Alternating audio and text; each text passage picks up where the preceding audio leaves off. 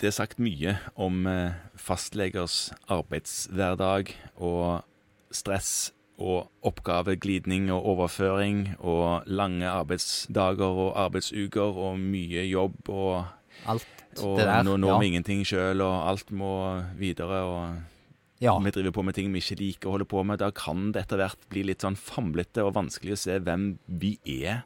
Ja. Liksom, for det, altså, Er vi redusert til et sånn hylekor med folk som eh, føler at vi burde satt og holdt på med andre ting enn vi sitter og holder på med? Hvem er vi, liksom? Ja, og, og det som kan være vanskelig i den hverdagen du beskriver der, og som, som nok lett kan mistes, er hva det er som gjør allmennlegen til noe annet enn litt av alt. Ja, Til noe mer enn litt av alt. ja, For jeg tror at det som har gjort mange av oss til allmennleger, og som vi syns er fantastisk med allmennmedisin, er akkurat det som er mer enn litt av alt. ja, for det er mer enn summen av alt vi holder på med. Det er det som er så viktig. Ja.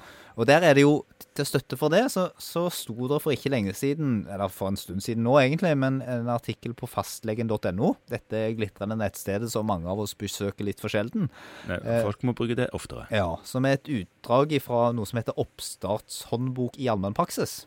Ja, det er en eh, ikke for så lenge siden revidert blekke utgitt av en eh, redaksjon eh, bestående av noen eksellente eksemplarer av primærmedisinen. Ja, og de lister i denne artikkelen syv teser for allmennmedisinen.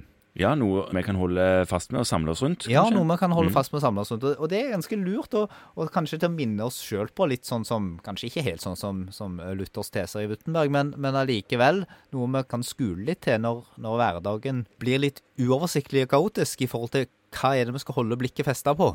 Vi tenker vel ikke at dette skal føre til noen reformasjon. Nei. Snarere tvert om. eh, Nei. Finne tilbake til kjerneverdiene våre. Det er mer, mer å finne tilbake til kjerneverdiene. Ja. Tenkte vi kunne minne om de, altså. Det første er å holde lege-pasient-forholdet i hevd.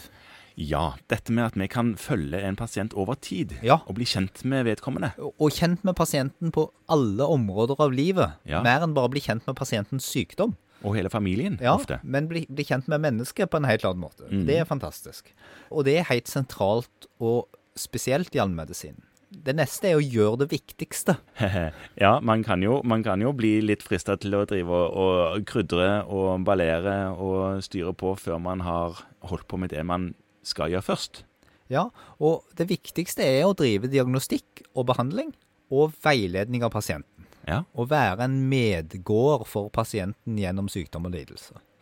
Tese nummer tre som de fremmer, og den er, er ganske viktig, det er kanskje noe som er sentralt for fastlegene, det er å gi mest til de som har størst behov.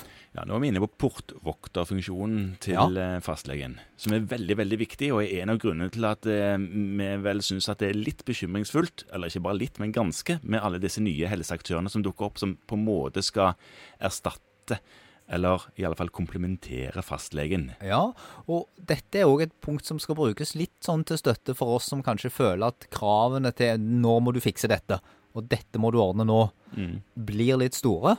Må Og si at nei, det er vårt mandat å gi mest til de som har størst behov. Ja. Også av vår tid, Det er en slags triasjering av samfunnsmandatet vårt. ikke sant? Ja. Så skal vi bruke ord som fremmer helse. Ja, altså betyr det å snakke norsk?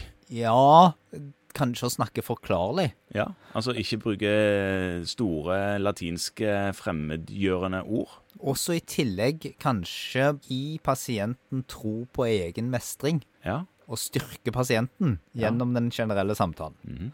Og så skal vi satse på etterutdanning, forskning og fagutvikling. Ja, der, det må vi kanskje si to ganger, holdt jeg på å si. For det der er ikke kanskje mm, historisk sett litt sånn eh, spinkelt i vår del av faget. Ja, mange av oss har vært veldig stor grad av produsenter av helsetjenester, Ja. mens forskningen og fagutviklingen har kommet litt i bakhånd. Og det er òg noe som lett kan, kan svikte litt. I en veldig travel hverdag så blir det en sånn salderingspost. Ting man velger å ikke gjøre så mye med. Men hvis man skal drive solid allmennmedisin, så må det være solid faglig fundert. Mm. Og hvis noen skal drive fagutvikling og forskning på dette, så må det være oss. Det er sant. Det som har blitt veldig mye bedre, og jeg tror at veldig mange kolleger i allmennmedisin er blitt veldig gode på, det er å drive forskningsbasert så langt det er mulig. Ja, Det tror jeg vi er blitt veldig mye bedre på. vi er blitt mye bedre på det.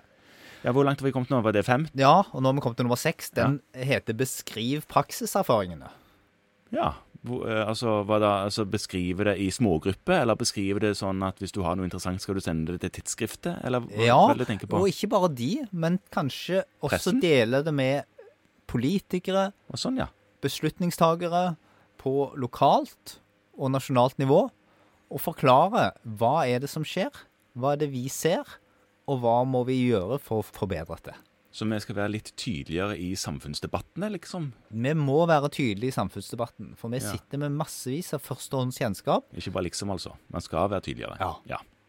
Vi sitter med masse førstehåndskjennskap til hvordan verden egentlig ser ut. Det er helt sant. Og hvis vi ikke deler det, så kan vi heller ikke klage på at ingen tar hensyn til det. Nei, ikke sant. Og så er det den syvende, og det er å ta ledelsen. Eh, I konsultasjonen, eller vel, tenker på det, for Ja. det er jo ikke alle pasienter du skal gjøre det med. Nei, altså der er vi vel kanskje av og til vel gode til å ta ledelsen i selve konsultasjonen. kan. Men, men kanskje på en del andre områder, både i sammenhandling med andre helseaktører, i forhold til spesialisthelsetjenesten, Eller sekundærhelsetjenesten, som du liker å kalle det. sekundærmedisinen, ja, der vi i større grad kan ta ledelsen på at ting skjer. Fordi vi sitter med en veldig, veldig total kunnskap om pasienten. Vi vet kanskje mer om hva som fungerer og ikke fungerer for dette enkeltmennesket, mm. enn det mange som er sånn inn og ut av situasjonen, doktorer, klarer å se. Ja. Og da må vi tørre å ta på oss ansvaret for det. OK, så hvis du skal ta de syv nå uten eh, vårt pjatt imellom De syv tesene er, hvis vi skal gjenta de, hold lege-pasient-forholdet i hevd, gjør det viktigste, gi mest til de som har størst behov, bruk ord som fremmer helse, sats på etterutdanning, forskning og fagutvikling, beskriv praksiserfaringene, og ta ledelsen. Amen.